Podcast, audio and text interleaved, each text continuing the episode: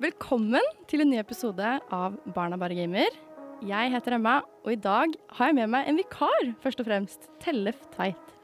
Takk for at jeg får lov til å være med. Det er veldig hyggelig å være her igjen, og denne gangen som vikar. Det syns Ja. jeg er eh, veldig stas. Eh, jeg, eh, for dere som har hørt første episode, var det det det var? Mm. Ja, så var jeg med der. Jeg jobber i LearnLink og jobber masse med barn som sliter med utfordringer knyttet til motivasjon og mestringsfølelse. Og derfor så syns jeg det er så utrolig stas, fordi veldig mange av de barna jeg har jobbet med, de har en eller annen form for uh, funksjonsnedsettelse som kanskje har ført til at de ikke føler på den mestringsføl- mestringsfølelsen de burde føle. Uh, og uh, Derfor syns jeg det er veldig gøy da, at vi har fått med deg, Hege, som har jobbet masse med dette, men også kjenner til det selv fra din egen familie. Kan ikke du fortelle litt hvem du er? Veldig gjerne. Jeg heter Hege Tegler. Eh, har vært aktiv i organisasjoner i veldig mange år. Norges Handikapforbund, Handikappede Barns Foreldreforening. Og grunnen til det Jeg har tre barn. Eh, og den mellomste, dattera mi, hun er født med en hjerneskade som har ført til at hun har noe som heter cerebral parese. Som gjør at hun sitter i rullestol og trenger en del ulike hjelpemidler og assistanse i hverdagen for å, for å greie å være med helt, da. Så ja, Mhm. Og vi kom jo over deg på TikTok. det For der der var du en ganske morsom og veldig fin bruker. Eh, hvordan havna du på TikTok? Vet du hva, altså en del av hverdagen vår har jo vært mye operasjoner, mye rehabilitering, mye opptreninger. Og kanskje særlig de siste tre åra så har vi hatt en del problematikk fordi vi blei litt sånn feiloperert. Og har vært mye på rehabilitering nede i Stavern. Et nydelig sted, for så vidt. Altså, så det er ikke det verste stedet å være sperra inne. Men under korona så har det jo vært så ekstremt strengt. Så vi har vært, måttet vært masse på rommet. Jeg har ikke kunnet hatt så mye kontakt med de andre pasientene. Og da kjeder jo mor seg, ikke sant? Da kjente jeg på at nå rakner det hvis ikke det skjer noe snart. Så jeg sa til Sara nå skal vi være her i tre uker. Vi skal på TikTok. Og så skal vi se, klarer vi å gå viralt på de tre ukene? Så vi lagde noen litt sånn dansevideoer, og hun viste litt finger, og hun er jo litt sånn tøff i trynet, lik mora si. Så vi skulle sjekke, da. Og vi hadde en målsetning om at den skulle få 100 000 views. Og det har vi fått til, faktisk. Veldig bra. Det er fantastisk. Det er meget. Men så begynte jo hatkommentarene å komme. Altså Ja. Det kom litt sånn overraskende på. Jeg har jo vært en litt sånn offentlig person, særlig i dette miljøet, lenge. Med på Facebook og Instagram. Du har et litt sånn annen målgruppe, og litt styrt målgruppe. Så det er jo folk som er interessert i det du snakker om, og kanskje kjenner litt til deg fra før, og, og som heier deg litt sånn opp og fram plutselig møtte vi de folka som syntes vi var en byrde for samfunnet. Hvorfor ble ikke hun abortert? Er dere klar over hvor mye dere koster samfunnet? Eh, sånne retards hører ikke hjemme i den norske skolen. Altså det blei veldig, veldig voldsomt. Og så hadde man to valg, da. Skal vi sitte stille og la det gå forbi? Nei, jeg er ikke hun. Dette er en gyllen mulighet til å stå litt opp mot de dårlige holdningene og det hatet. Kall det hva du vil. Men jeg kan helt fint svare på at vi er en ressurs for samfunnet. Jeg er ikke så bekymra for det. Mm. Så på mange måter ga det meg litt sånn energi òg. Altså her har jeg plutselig mulighet til å gå det i møte med godt humør og gode argumenter. Jeg tror ikke det nytter å bli så sinna tilbake, men muligheten til å svare ut på en god måte, da. Hva det her handler om, og hvordan livet vårt ser ut. Ja, det er jo veldig tøft av deg, og veldig viktig at du gjør. Men en ting er jo hvordan du reagerer, altså hva du gjør med kommentarene. Men hva tenker du egentlig om at de kommer i det hele tatt? Eller at det finnes sånne holdninger? Ja, men det veit vi jo. Altså, det, det veit man. Altså, Én av tre funksjonshemma blir utsatt for hatkriminalitet, enten det er face to face, men særlig på nett. Men det er klart, vi har nok vært litt skjerma fra det. Bor i Drammen, på Gonnerud, et veletablert uh, sted. Det er jo ingen som roper hatytringer etter oss på butikken, så vi har vært veldig sånn skjerma fra det. Men man veit jo at det eksisterer, og man veit at de holdningene fins. Og man veit at man setter merkelapper på mennesker, prislapper på mennesker. 'Denne tjenesten koster mye'. Så man, litt sjokkerende at det var så in your face, og at det handla så direkte om oss. Men samtidig så tenker jeg at det skal vi takle, og det står vi så godt i. Vi er en veldig sånn ja, stolt av oss sjøl, da. Mm. Syns ikke det er oss det er noe gærent med. Det er alle andre det er noe gærent med. Nei da. Men det er jo hvor ansvarsplasserer man? Ja. Jeg tenker at det er så fort gjort å ansvarsplassere på det barnet med en diagnose eller Men vi må begynne å prate om systemet. For det er jo der det veldig ofte feiler, da. Mm. Særlig skole, ikke sant? som dere prater mye om. Som jeg har masse erfaringer med, på godt og på vondt. Ja. Hvilke erfaringer har du i møte med skolen? Og jeg husker når Sara var liten, da hadde jeg akkurat meldt meg inn i en organisasjon, Handikappede barns foreldreforening. Og da var jeg fortsatt litt sånn gira på livet og hadde nok ikke helt tatt inn over meg eh, hva det her livet skulle innebære. For det kom jo litt sånn smygende på, ikke sant. Baby er baby. Da er de mm. veldig, veldig like. Så det tar litt sånn tid før man begynner å se konturene av hva som skal bli livet framover. Det tar noen år før rullestolen kommer eh, tar litt tid før det blir for tungt å løfte. ikke sant? Det kommer litt sånn smygende på. Så jeg var i supergodt humør da. Så var på et sånt årsmøte. Woop, woop, woop. Så tror jeg han ene pappaen blei litt irritert over det her pågangsmotet mitt. og så sa han kan hende du syns livet er ålreit nå, men bare vent til jeg skal begynne på skolen. Da skal du se det blir et mareritt, liksom. Ja, Hva tenkte du da? Nei, han fikk jo helt rett, da. Uh, og, men det starta allerede i barnehage. Og jeg tror litt av problemstillingen igjen da, er at man blir sittende og jobbe så veldig mange enkeltkamper. Jeg husker så godt første liksom, store kampen jeg følte jeg sto i på sånn systemnivå. Da var jeg forsida i VG, for da kom jo likestillings- og diskrimineringsloven. Så da var det plutselig ikke lov å diskriminere lenger. Men, men hva er diskriminering? Og da mm. begynte man å prøve en del sånn ulike saker. Og vi fikk ikke rampe opp i barnehagen. Så det var liksom et stykke opp. Og jeg tror jo at alle barn eh, Det er helt lov å ha et hjelpebehov, og man skal få hjelp til det man trenger hjelp på. Men man trenger ikke å skape et hjelpebehov ved manglende tilrettelegging. Sara kan fint komme seg inn og ut av barnehagen sjøl, hun. Men ikke når det er trapp inn. Mm. Nei, da bygger vi en rampe, da, sånn at alle er velkomne. Det handler jo litt om hvordan tar vi imot disse barna. Ja, helt klart. Men det hadde ikke kommunen råd til. tenkte jeg mm, jo, det tror jeg dere har, liksom. Det her skal vi bli to om.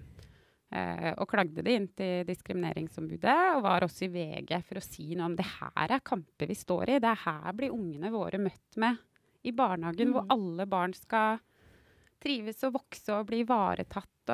For meg ble det et ganske sånn brutalt møte på samfunnets barrierer, da. Ikke sant? Ja. Og så fikk vi rampe, eh, og det var jo en seier. Og så husker jeg når dattera mi da slutta i barnehagen, så var det første de gjorde, var å ta bort rampa igjen. Og da tenker jeg det er ikke rart, da. Vi må ta de samme kampene om og om og om og om igjen. Mm. Hvis tilrettelegginga skal knyttes opp mot hvert enkelt barn, mm. og ikke som et system da, som tenker ja, vi, vi vi er så mangfoldige, både barn og elever, og hva kan vi gjøre for å ivareta dette?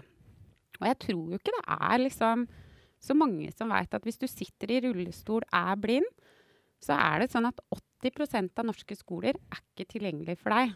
Og det er jo en skandale. Altså ja. Hvis man hadde snudd på det og tatt noen andre diskrimineringsgrunnlag, da. At 80% av norske skoler så kunne ikke skeive elever gå. Vi hadde ikke funnet oss i det som samfunn. Nei. Men det her får liksom lov å skje. Og så får man kjempa seg til den ene rampa, da. Og så tar de det bort igjen. Altså, det var så grusom opplevelse. Ja. Hvordan føles det som mor? Du må jo ha blitt rasende? Jeg var nok mye mer rasende før. Jeg er veldig glad for at jeg ikke fant TikTok før jeg på en måte har fått roa meg litt. Fordi at eh, du blir så sjokkert. da. Etter hvert så blir du litt sånn nummen, for du blir litt sånn vant til, og du tenker det her er vel bare en del av sånn som det skal være. Og så er jo struktur og tilgjengelighet én side av det. Og så er det jo dette med holdninger, da. Mm. ikke sant? Hvilke holdninger møter du av den rektoren eller den læreren hvor du kommer med barnet ditt, eleven din? Og så er det jo veldig veldig ulikt hvordan holdning skolen har i forhold til å ha en mangfoldig elevgruppe. da. Mm. Og det tror jeg er en like stor side av problemstillinga. Du har liksom både disse skapte barrierene, og så har du disse holdningsbarrierene. Hvor man kanskje ikke er så villig til å se på dette med tilrettelegging. Er ikke så villig til å gjøre ting litt annerledes for at kanskje flere skal ha nytte av det skolesystemet vi har i dag, da. Mm. Det, altså, jeg må si dere fremstår for meg da, som utrolig tøffe og modige som har stått i dette her. Eh, og gjennom jobben min så har jeg jo fått møte mange foreldre som opplever nettopp dette. At eh, man eh, får et behov for at det tilrettelegges bedre f.eks. på skole. Men så, så, er det jo vanskelig, ikke sant? fordi man, man ønsker både tilrettelegge for sitt barn, men så ønsker man også ikke havne i en konflikt med skolen. Mm. Eh, for man opplever ofte at eh, sant, som, som, du sier, de du møter er kanskje ikke helt klare for dette, og så får du ikke de tilbakemeldingene du ønsket.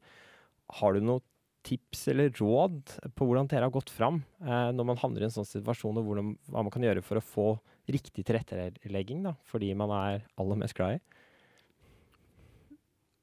Jeg har kanskje ikke noe tips til hvordan man skal unngå konflikt. da, fordi at jeg har stått i Jeg har ikke vært så redd for å ta de konfliktene, men jeg har også hatt et veldig sånn tydelig ambisjon for hva jeg ønsker for alle barna mine. Og kanskje særlig når man har tre barn. da. Hvorfor skal det være så annerledes hva jeg kan forvente for sønnen min, som er ett år eldre enn Sara?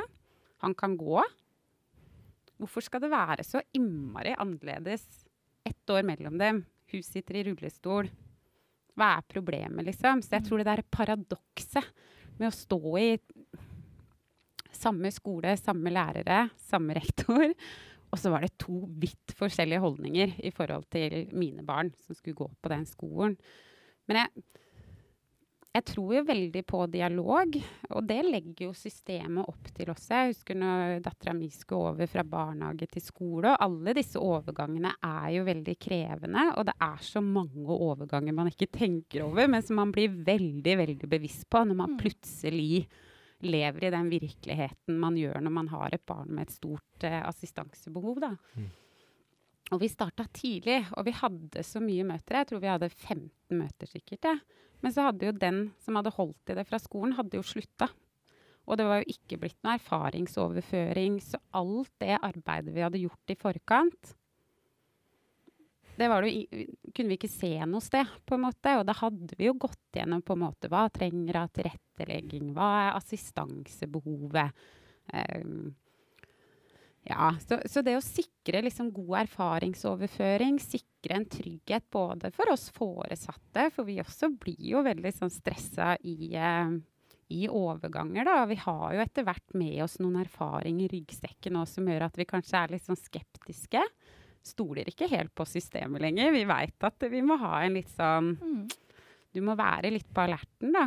Mm. Ja, dere må jo ta en del ansvar da, for ting som skolen egentlig kanskje skulle sørget for for dere. Ja, man må ta over, det, overraskende mye ansvar. Og så er det jo litt sånn, det kommer jo litt sånn snikende på. Det husker jeg jo når Sara var født. at da i starten er det jo litt sånn feilsøking, på en måte. Mm. Både fra helsevesenet, ikke sant. Og så starta det med at uh, helsestasjonen Jeg var litt sånn bekymra sjøl. Kan det her stemme? Så begynte helsestasjonen å bli litt bekymra. Og så var man til ulike spesialister og tok MR. Og, og så begynner man å leite etter liksom, hva er det som ikke har gått gærent.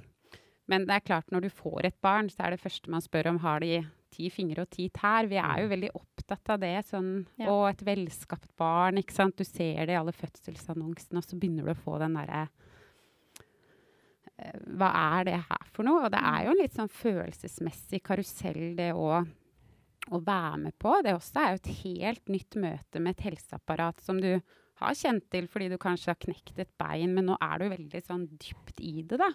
Og så blir jo fokuset veldig sånn uh, ja, den feilsøkinga. Finne ut av hva er det som øh, Hvilken diagnose, hvilken merkelapp kan vi putte på dette barnet? Og så ser vi også det når vi skal søke tjenester. For det søker man jo om via kommunen. ikke sant? Avlastning eller støttekontakt eller brukerstyrt personlig assistent, som jeg også mm. jobber med. Søker man jo, Det får man jo innvilga gjennom kommunen. Og det er sånn jeg etterspør litt. Og, og skoleassistent òg, ikke sant. PPT. Det er jo et apparat rundt det også, da. Og da skal man jo beskrive alt som ikke funker. Mm. Eh, dette er slitsomt for oss som familie, derfor trenger vi avlastning. Dette får hun ikke til, derfor trenger hun BPA. Istedenfor å begynne å si noe om dette kunne vi fått til som familie ja. hvis vi hadde fått avlastning. Dette kunne dattera mi fått til på egen hånd hvis hun får assistent. Og snu hele det fokuset. Det tror jeg ville vært veldig godt for oss foreldre, men også for skolen, Mm. som skal ta imot dette barnet. ikke sant? De leser disse papirene, og så er det sånn Ser jo ikke ut som de kan noen ting, men det er masse de kan. Masse ressurser, men de trenger tilrettelegging for å få de ressursene ut av seg. da. Mm. Så jeg skulle ønske at det liksom hele søknadsprosessene PPTO er jo sånn feilsøking. Skal den finne ut av hva som er feil? Hvorfor passer ikke du inn i den firkanten vi kaller Mm. skolesystem? Mm. Og så ansvarplasserer de det på eleven, istedenfor å se på hva kan systemet gjøre for å få ut alle disse ressursene og mulighetene vi ser hos disse elevene. Mm. Så kanskje vi foreldre skal bli litt flinkere på det. Uh, ha litt fokus på, på hva vi kan få til, da. Og så er det ikke nødvendig at alle skal bli hjernekirurger eller Men alle har et utviklingspotensial. Alle har et opplæringspotensial. Alle mennesker utvikler seg uavhengig av diagnose, da. Hvordan kan vi som skole få deg til å utvikle deg best mulig på dine premisser? Mm. Det tror jeg er viktig. Jeg husker jo selv når jeg er mestret i skolen, så er det jo de gangene noen har sett meg. Jeg klarte jo aldri å sitte stille. Og de gangene jeg ble sett og fikk vist mitt uh, potensial, det var jo en helt fantastisk opplevelse. Å snu det mot det må jo være en super mulighet. Har du sett noen eksempler på hvor det har blitt gjort, eller hvor du har lykkes med det? Nei, men jeg har en fantastisk lege, da. Eh, vi har flytta, så vi bor i en annen, eh, annet fylke, heter det vel nå. Men vi har valgt å beholde eh, spesialisthelsetjenesten, habiliteringstjenesten, i Vestfold. Selv om det er litt sånn ekstra reisevei, så har jeg lagt min elsk, da, ikke sant, på alle de som jobber her. Og det var egentlig Guro hun, som fikk meg til å da klikka det litt på plass, for hun begynte å skrive legeerklæringer hvor hun bare pekte på hva vi kunne få til, og hva vi kunne. Og så ble jeg sånn Nei, nei, nei. Må ikke finne på det. Jeg kommer ikke til å få en tjeneste av det. Ta deg sammen, liksom. Det er ikke det her jeg har bedt om. Du må svartmale. Det er da vi får tjenester. Ja. Men så er det noe med Det gjorde noe med meg som mamma òg, å lese den epikrisa istedenfor en sånn svartmaling-epikrise. Mm. Og hvis man kan litt om barn, som jeg håper skolevesenet kan, og PPT kan, ved å beskrive hva et barn kan, så sier det også ganske mye om hva man ikke kan. Jeg Mhm. sier ikke at det er ulovlig å peke på hva som er hull, eller hva som er et assistansebehov. Det skal også være lov, da. Men pek liksom på mulighetsrommet. Hvor er det vi ser at dette barnet blomstrer? Hva er det man utvikler seg på? Jeg tror det ville gjort noe med de rektorene og lærerne som får disse barna òg, ikke sant? Ja. Jeg har ei venninne, det har jeg også fortalt om på TikToken for så vidt, som skulle i sånn første møte med rektor. Da? Vi starter jo med dette ganske tidlig. Uh, gjerne to år i forveien. Og så skulle jeg til rektor, har et barn med ganske omfattende hjelpebehov, men går på vanlig skole. Samme skole som dattera mi for øvrig. Hvor rektor sa ja, men vi har en egen skole for sånne elever. Altså, hva betyr det? Hva betyr sånne elever? Og, og hva er det som gjør at fordi du har en funksjonsnedsettelse, er funksjonshemma, sitter i rullestol, kanskje ser litt annerledes ut, beveger deg litt annerledes Hvorfor blir du en annen type elev, på en måte? Mm. Hvorfor er ikke alle bare elever, og fokuset er hva kan vi gjøre for å tilrettelegge sånn at sønnen din, eleven vår, får blomstra på Mm. skolen? Nå har de fått til det, skal sies, altså. Mm. Selv om førstemøtet ble litt sånn brutalt. Men det er jo veldig ofte det vi blir møtt med, ikke sant? Ja. Og så har man jo litt sånn Jeg syns jo det kan være litt sånn krevende å prate om sorg. Fordi at jeg er jo ikke lei meg for å ha fått de barna jeg har fått. Men jeg kan jo bli lei meg og kjenne på en sorg i forhold til alt det hun må gjennom, som ikke andre barn må gjennom. Da. Både Mm. liksom operasjoner og alt det helsemessige. Men også i forhold til det vi ser på ja, TikTok, det vi veit at skolevesenet eh, bjuder på. Vi veit at det er 100 000 funksjonshemma som vil jobbe, som står utafor arbeidslivet i dag. Fordi det er så vanskelig for samfunnet å se ressursene. Mm. De ser bare problemene, på en måte. Mm. Og når samfunnet er så utilgjengelig som det er, da, hvis vi skal ut og spise f.eks. Det er jo ikke mange steder vi kan gå hvis ikke vi vil bli båret inn eller gå bakveien eller Men vi har jo ikke lyst til det. Hvorfor setter ikke politikerne noen tidsfrister, da? 80% av norske skoler, sånn har det jo vært dritlenge. Og siden de begynte å måle funksjonshemma i arbeid, så har det jo ikke skjedd noe utvikling. Det står helt stille. Og det handler jo om politisk vilje, det handler om holdninger. Og så handler det vel litt om oss foreldre og funksjonshemma sjøl òg. Vi må stå litt på de barrierene og si Mm. Vi driter i alt dere sier. Her er vi. Ta oss på alvor. Her kommer vi. Mm. Elev på skolen din. Selv om du som rektor kunne ønske at vi gikk på spesialskole, så kommer vi nå. Men jeg har også lyst til å si jeg er ikke mot spesialskole. Jeg tror ikke det er noe enten-eller. Jeg tenker Noen barn vil alltid ha behov for et litt eh, annet opplegg med mindre klasser. og Det kan være mange grunner til det, og det har vi jo valgt for datteren vår nå. og Det handler litt om at med autisme da, så blir det fort veldig stressende med mange elever, mye som skjer. At da får man i hvert fall ikke ut potensialet sitt. Men det er et like stort overgrep å plassere de elevene som har utbytte av vanlig klasse, på spesialskole som vice versa, på en måte. Mm. Og så tenker jeg jo at det er sunt for oss som samfunn å se at, eh, at vi er litt forskjellige, da. Ja. Det står liksom litt imot nettopp de kommentarene du har fått òg, da. Med at man, noen som ikke liksom vil forholde seg til det, eller vil ikke se det. Men det er jo ikke et alternativ. For de har jo like mye rett til å, å være her og bruke samfunnet. Ja, men så tenker jeg sånn som skolesystemet er nå, da. Og Nordahl-utvalget, jeg vet ikke om dere Nei, hva er det? Nei. Ja, det var en NOU som kom for noen år siden, som så på dette med mm, retten til spesialundervisning. Og de foreslo å fjerne hele retten til spesialundervisning, som var som å kaste en brannfakkel både blant foreldre og organisasjoner. Det blei jo forure. Men jo mer jeg har tenkt på det, så tenker jeg sånn Kanskje de er inne på noe. Altså Retten til spesialundervisning er viktig i dag fordi systemet er lagt opp sånn som det er lagt. Men egentlig burde det holdt å ha Vi har jo alle rett på skolegang. Mm. Og med en gang du får den retten til spesialundervisning, så blir du ofte plassert på et grupperom. Da er du så spesiell da, at da er det ikke lenger det ordinære skolesystemet sitt ansvar å ivareta. Og, og det er ekstremt mye undervisning for denne gruppa som skjer på grupperom av ufaglærte assistenter. Dette blir min mening, da. Jeg snakker ikke på vegne av alle nå. Men jeg tror jo veldig på det derre vi, vi er nødt til å skille snørr og bart, som er blitt et av mine favorittuttrykk. Men å skille snørr og bart Vi er nødt til å skille hva assistansebehovet til den eleven. Jeg hørte jo på en tidligere podkast her hvor, hvor ett tiltak var å ha en pult utenfor klassen, sånn at man kunne gå når man selv ville, og få litt sånn en pause fra alt som kan bli litt vanskelig. Um, og ja um, Nå datt jeg litt ut av min egen tankerekke, men det gjør jeg støtt og stadig. Altså. Men å skille opplæringsbehovet og assistansebehovet Vi trenger ikke å ha bleieskift på timeplanen. Det, det er et assistansebehov den eleven har. Kanskje skolen skulle fått lov å ta seg av opplæringa, og at assistansen skulle tilhørt et annet sted. Fordi at man ser at skolene driver og klabber og babler litt til, da. Ikke sant? Og kanskje særlig for de elevene som har store eh, sto, et stort assistansebehov i hverdagen.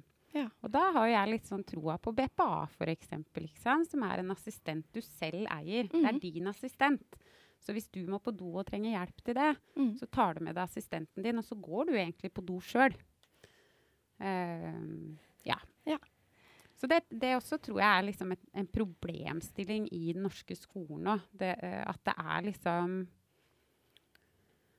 Ja, med en gang du har rett på spesialundervisning, så er du så spesiell da, at da passer du ikke inn i den der bitte lille firkanten skolen har bestemt. Ja. Uh, og det var jo sånn som vi snakka om litt før vi starta.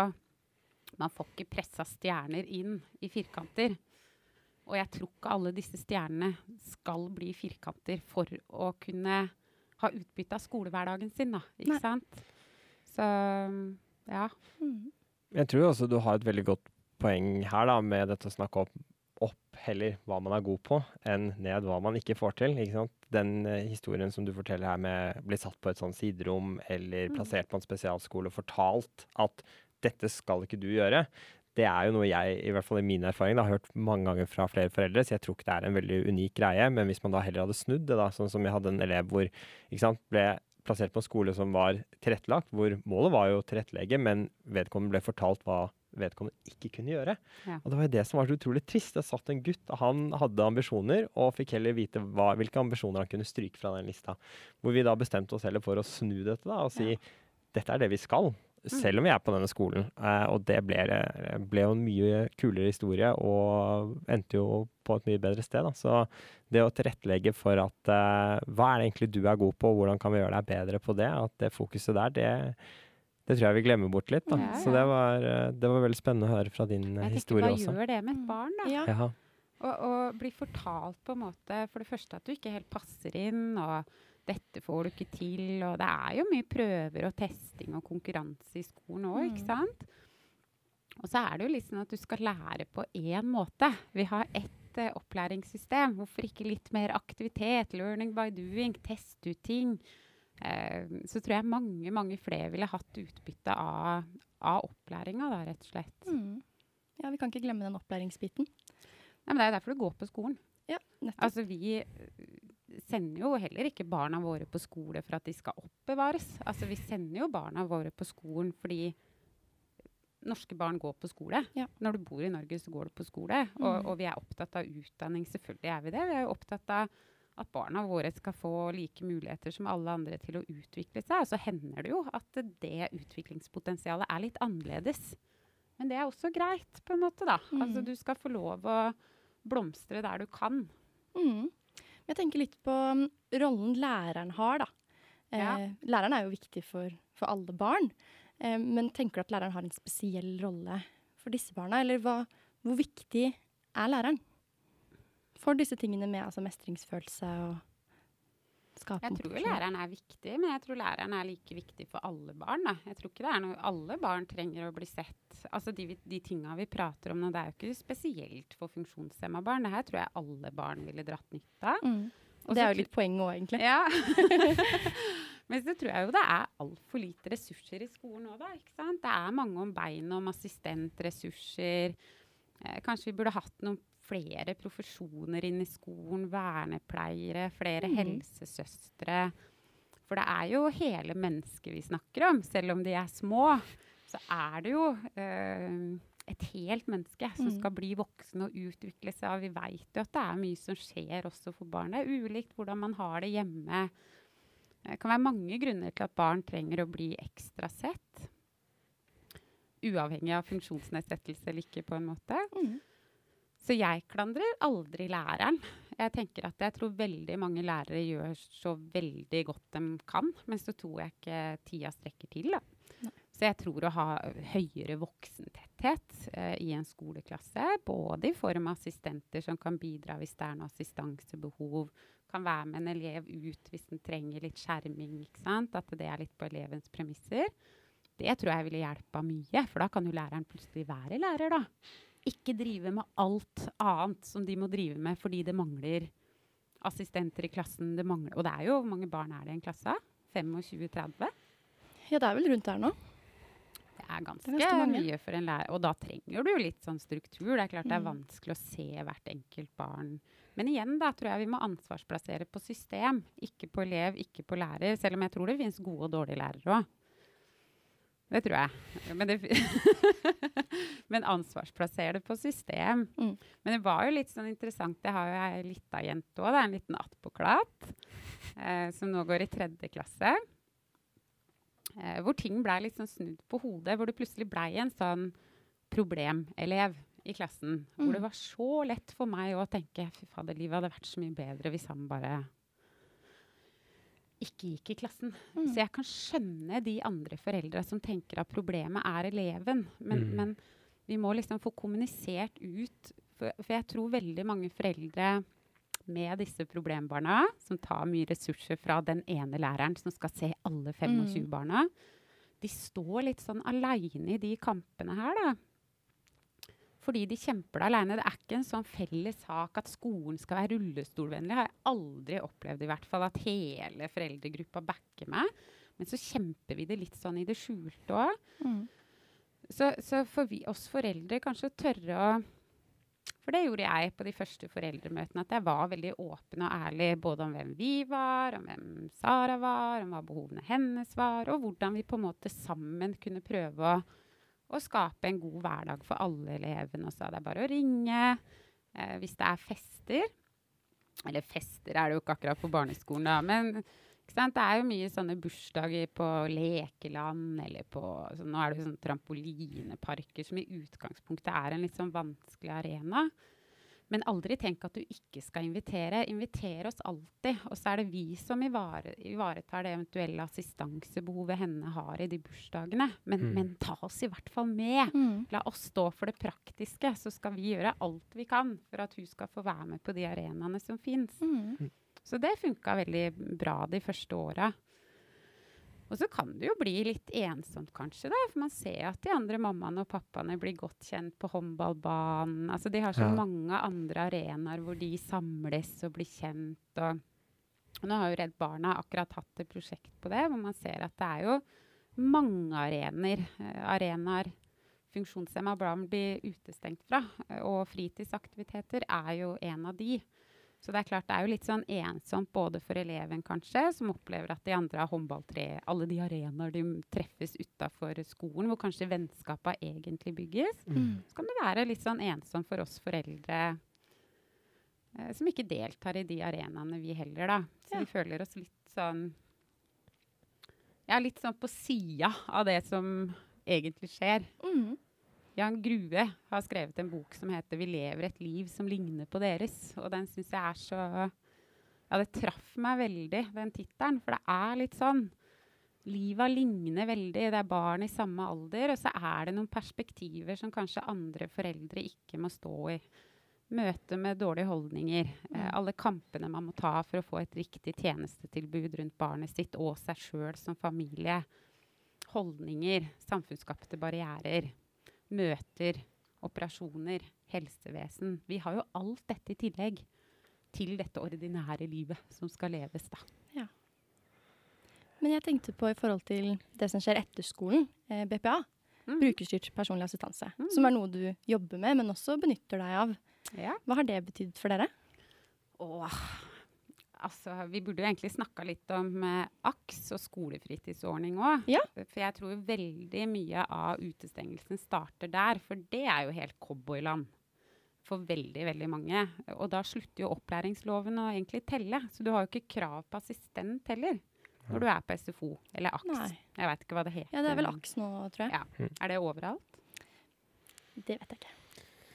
Nei. Nei. Men AKS er SFO, da. Så ja. kan jeg kalle det AKS mm. eh, framover så det var en voldsom påkjenning. Det er noe av det jeg ser tilbake på og tenker på. Fy fader, det er noe av det verste jeg har vært gjennom, egentlig. Eh, som mamma og som pårørende og som Ja, eh, man har jo lyst til å stå i arbeidslivet selv om man får et barn med hjelpebehov. Jeg har i hvert fall hatt veldig lyst til det hele tida. Og det, jeg tror det er viktig òg at, eh, at, livet består av litt sånn det å være samfunnsnyttig, ha et kollegium. ikke sant? Det har vært viktig for meg å stå i arbeid. Og når du er funksjonshemma, så har du krav på AKS fram til sjuende. Andre barn går litt, og gjerne ofte litt lenger enn det òg, altså. Andre barn går jo kanskje til sånn tredje, men du har krav på det opp til fjerde klasse. Men når du ikke har noe krav på assistent Jeg har ikke tall på hvor mange ganger jeg kom for å hente hvor datteren min lå på en blå matte, eh, møkkete bleie, aleine, skitten. Eh, for det var ikke ressurser til å ivareta assistansebehovet hennes, og det var ikke noen rettigheter som ga oss assistent heller. Og så sier kommunen dette er i og med at dere har tilbud om SFO, AKS, så har dere ikke krav på noe annet i den tida. Altså det er paradokset her, på en måte. Ja, du har rett til å være på SFO fram til sjuende, men når du er den eneste som går i sjuende, som skal være på SFO med første- og andreklassinger altså, Hvilken mm. verdighet er det i det, da, når du i tillegg ikke har krav på noe assistanse inn der? Fordi at opplæringsloven har på en måte den la vi igjen den når skoleklokka ringte. Gjerne kvart over tolv, da. Så mm. skoledagen er jo over ganske tidlig. Mm. Så det er mange timer av hverdagen til noen elever det her gjelder, ikke sant? Og da bestemte jeg meg for at nei, det her kan jeg ikke leve med. Det her går ikke for um, oss som familie lenger. Så jeg slutta jobben min, tok permisjon og tok Sara ut av SFO og bestemte meg for at nå er det bare å brette opp arma og så skal kommunen få kjørt seg. Fordi at jeg veit jo at det fins BPA, og jeg har lyst på det. Jeg har lyst til at Sara på lik linje med de andre elevene på sin alder får lov å gå hjem, slenge seg litt på sofaen, ta seg en brødskive. Jeg vil ikke at hun skal være på en matte sammen med førsteklassingene lenger. Det er helt uaktuelt for meg. Men vi hadde jo i utgangspunktet ikke krav på det. Eh, da var jeg også på NRK. så berømt blitt. Men ofte så hjelper det, da. Når kommunen sier nei, så hjelper det å gå litt i media. For den vil ikke ha så mye dårlig omtale. Og det føler jeg jo noen ganger at noen av de tjenestene vi har fått, handler mer om å ikke få dårlig rykte der ute, mer enn det handler om å gi oss et verdig og godt liv, på en måte. da. Ja.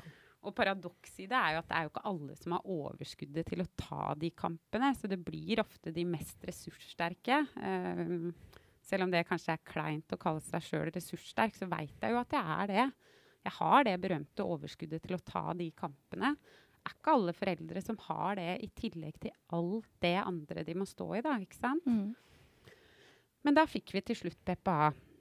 Vi var to mammaer som slo oss sammen, og vi satt eh, på alle bystyremøtene.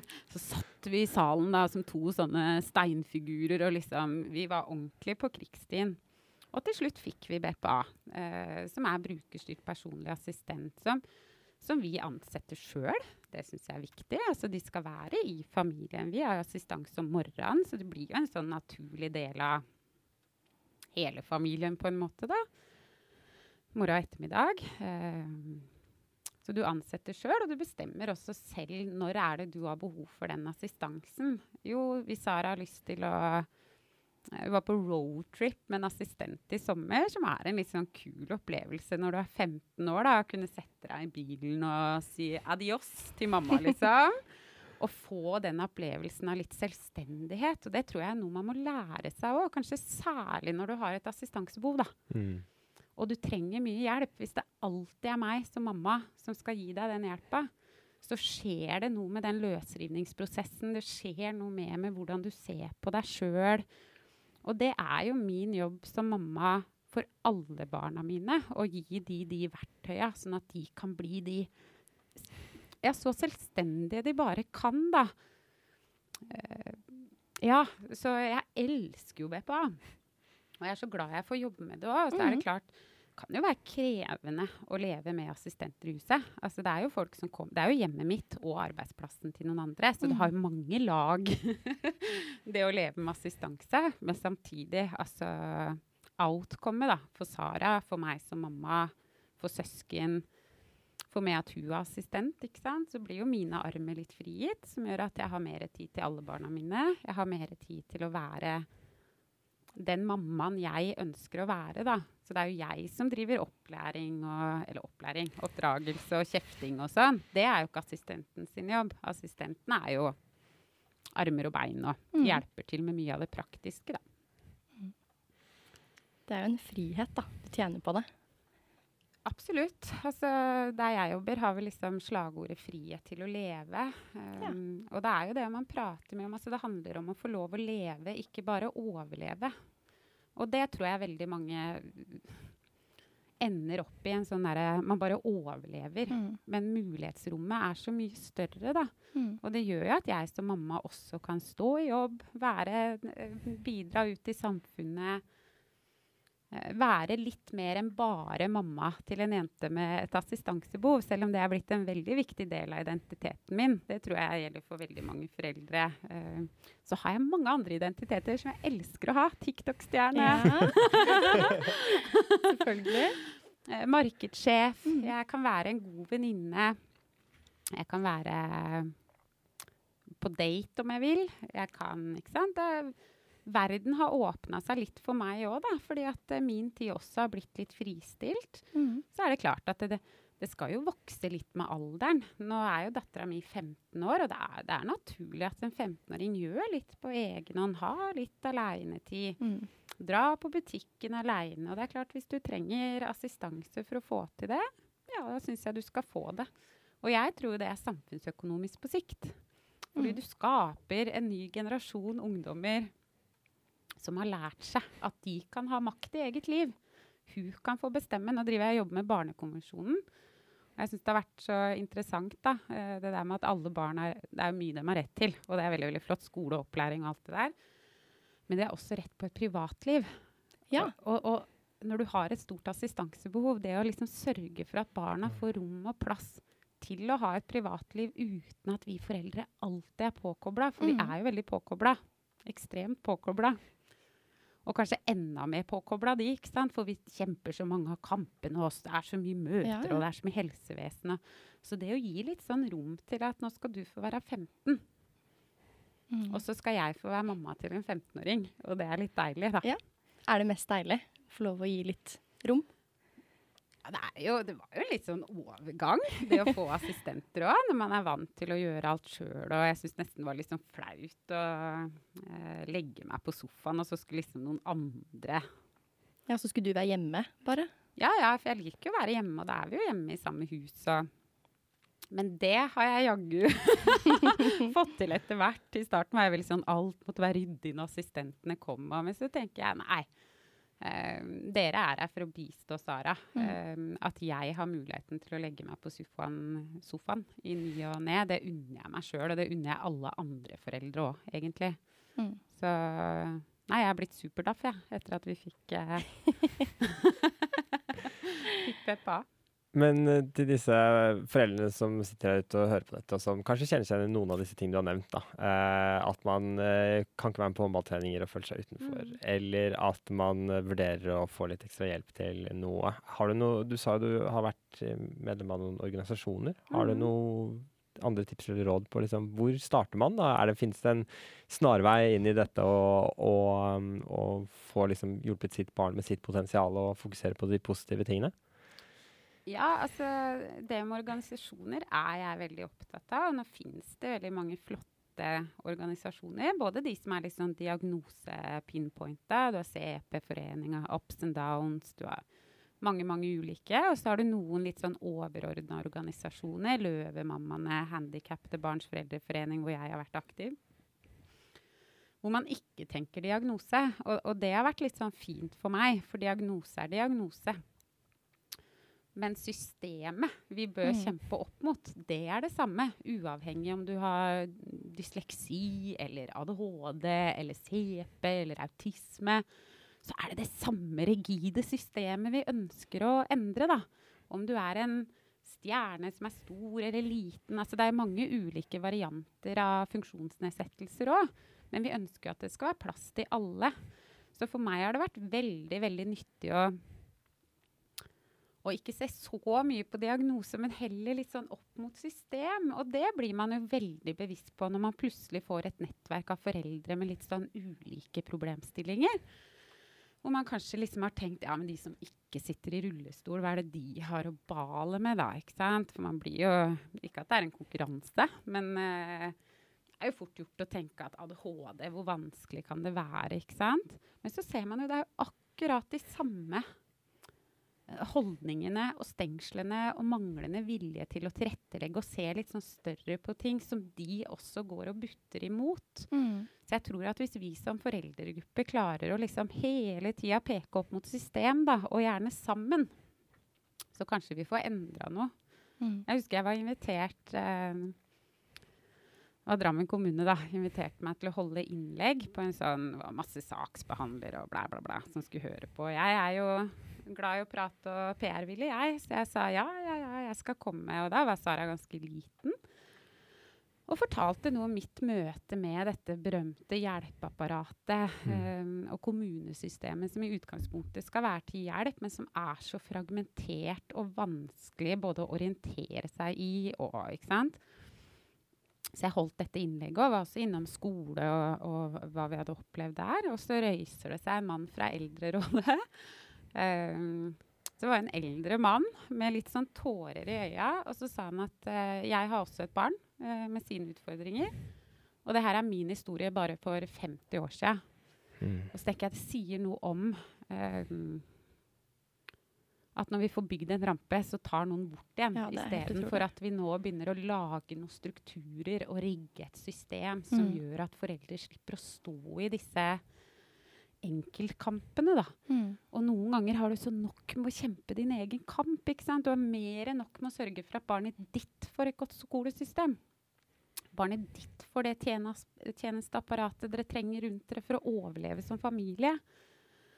Men, men det å, å, melde seg inn i en organisasjon som jobber litt opp mot systemet, eh, sånn at man kanskje får en, sånn at man slipper alle disse enkeltkampene, da. Eh, Ja. Mm. Og så er det ikke alle som har overskudd til å, å jobbe opp mot system bestandig, og det har jeg full forståelse for. Men jeg tror det er viktig at vi melder oss inn i de organisasjonene som virkelig gjør en jobb for å endre rammene rundt oss, sånn at det kanskje skal bli litt lettere for de foreldra som kommer etter, og de elevene og barna våre som kommer etter. Og det er jo de det handler om. Det er jo det. Jeg har lyst til å spørre deg et spørsmål vi stiller alle gjestene våre. Eh, og det er hvordan hadde du det på skolen? Åh. Ja, veit hva, jeg hadde det ikke så greit på skolen. Um, jeg var vel det man kalte et mobbeoffer, men jeg har også alltid vært litt sånn noe for meg sjøl. Som kanskje folk setter litt mer pris på. Når man blir voksen, så begynner man å sette litt sånn pris på raritetene til folk. Ja, ikke sant? Uh, og etter at uh, to av barna mine har jo ADHD-diagnose, eh, og når de ble utreda, så, så, sa legene sånn Ja, og da er det veldig gjerne arvelig, ikke sant? Og særlig når to av barna har det. Og det var ikke én lege som ikke så på meg. Altså, det var sånn helt opplagt at dette kom fra meg. Og så tenkte jeg ja, nå vet du hva, når jeg har når ungene mine på død og liv skal utredes, så er det litt fint å kunne gjøre det sjøl. Sånn at hvis det nå er jeg som har ADHD, som alle har sagt i alle år ikke sant? Det er jo sånn man sier til folk sånn Har du ADHD, eller? Jeg har hørt det sikkert en million ganger, ikke sant? Så valgte jeg å utrede meg sjøl. Eh, og fikk ADHD-diagnose i voksen alder. Og det, det, skulle jeg nok ønske at jeg hadde fått litt tidligere. For kanskje Mm. lærerne og Man blir jo sett på som litt sånn problemung og maur i rumpa og litt ulydig og Og så er jeg nok kanskje litt ulydig òg, da. Men eh, det har sin grunn. Så, så for meg var skolen ganske krevende, rett og slett. Ja. Og det har jeg nok hatt med meg inn når jeg har kjempa for at mine barn skal få en bedre opplevelse. Da. For jeg Mm. tror, tror jo det å ha litt forståelse for hvem du er som menneske, se ressurser istedenfor problemer, som vi var inne på i stad, det hadde jeg dratt veldig nytte av hvis jeg hadde hatt en lærer som sa Nei, men herre min hatt, så flink du er til å holde deg i aktivitet. Kan ikke du stå og jogge i hjørnet mens du lærer matte? Det hadde vært helt nydelig for meg. Så jeg hadde nok trengt det. Litt Ja. mer tilrettelegging. Mm. Men nå er jeg født på 80-tallet. Jeg veit ikke om det var noe særlig fokus uh, på det da, jeg. Nei, Det er kanskje litt uh, nytt, da, det fokuset. Det har kommet litt sent, egentlig. Ja, det kan hende. Mm. Kan hende. Men um, hvordan tror du, eller vet du, at uh, barna dine har det på skolen i dag, da? Nå har alle det veldig fint, egentlig.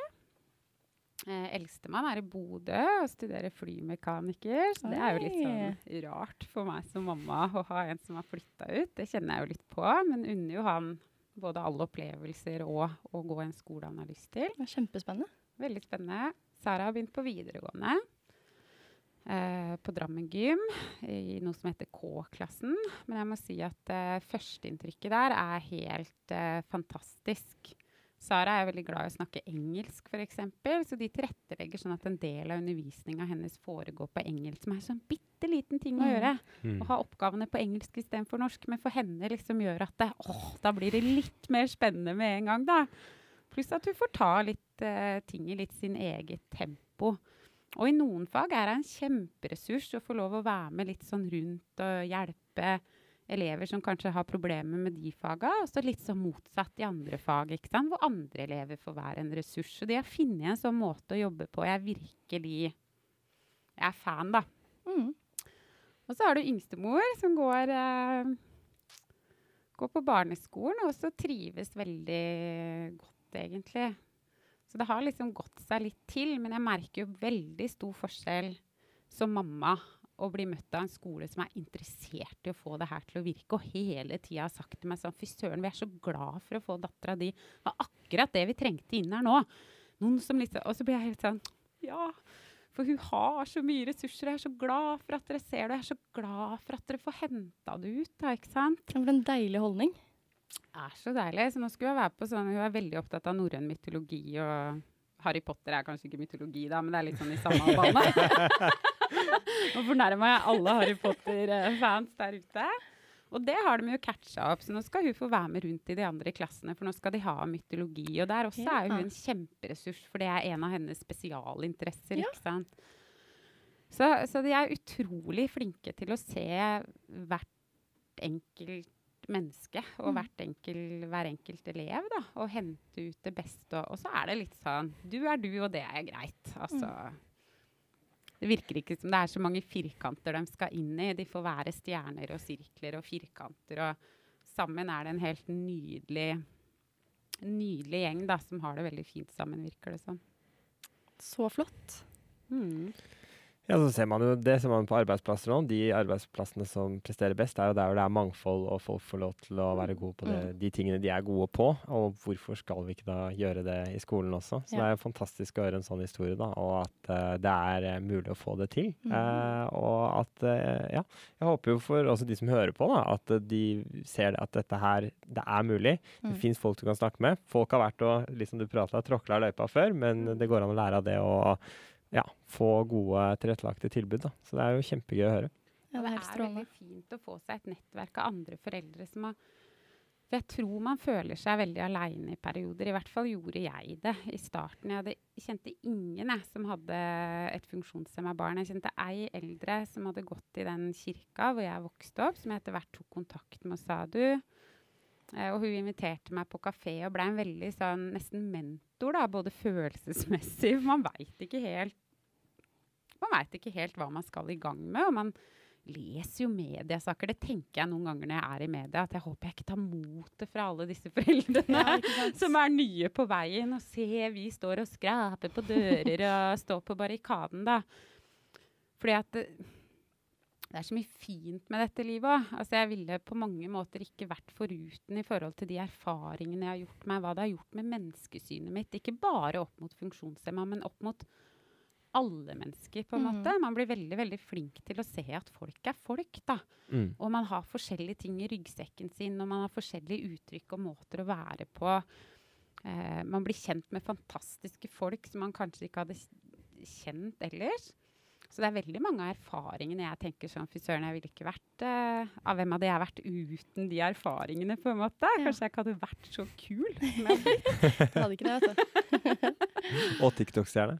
Ikke minst. TikTok-stjerne veit jeg ikke, men jeg syns det har vært uh, vært spennende å dele fra livet vårt òg. Jeg ser jo at det er liksom Sånn som vi har heis i huset. Folk, jeg syns jo det er utrolig fascinerende. 'Å, kan dere vise åssen dere kjører heis?' Mm. Ja, ja, selvfølgelig. For oss er dette dagligdags. Hjelpemidler er helt Noen syns jo dette med rullestol er fryktelig trist, ikke sant, og nesten ikke til og med opplevd av folk ja, kaller det sykkel, for de tror det er liksom så uh, følelsesmessig vanskelig for Altså, vi er, er så vant til rullestolen. Rullestolen er ikke noe trist for oss. Altså, Å leve uten rullestol ville jo vært mye, mye tristere. Ja, ikke sant? Så det å kunne vise fram på en måte som jeg ser at eh, Oi, det syns folk er spennende. Sondemat, ikke sant. Jeg Mm. viser litt for det, og folk er helt sånn what? Som for oss er helt dagligdags og bare en måte å få inn næring på. Da. Altså det å ufarliggjøre litt og liksom Ja, vi lever et liv som ligner på deres. Eh, vi er ikke så langt unna, men vi har litt andre ting som skal på plass for at vi skal kunne være hele oss, da. Mm. Så det har egentlig bare vært helt fint å, fint å dele. For det er det jo ikke noe sorg rundt. Det er ikke noe sorg rundt det å ha hjelpemidler. Det er vi Nei, det går helt fint. Og det viser vi gjerne fram. Ikke sant? Tusen takk, Hege, for at du kom i dag. Jeg håper du fortsetter å dele på TikTok, for jeg er i hvert fall megafan. Jeg syns jeg lærer så mye og koser meg og blir underholdt. Ja, så Så- hyggelig. Tusen takk for at du kom i dag. Takk for at jeg fikk komme. Har du spørsmål, tanker, ris, ros, ta kontakt på podkast at learning.no. Barna bare gamer er produsert av Kubrix for Learning.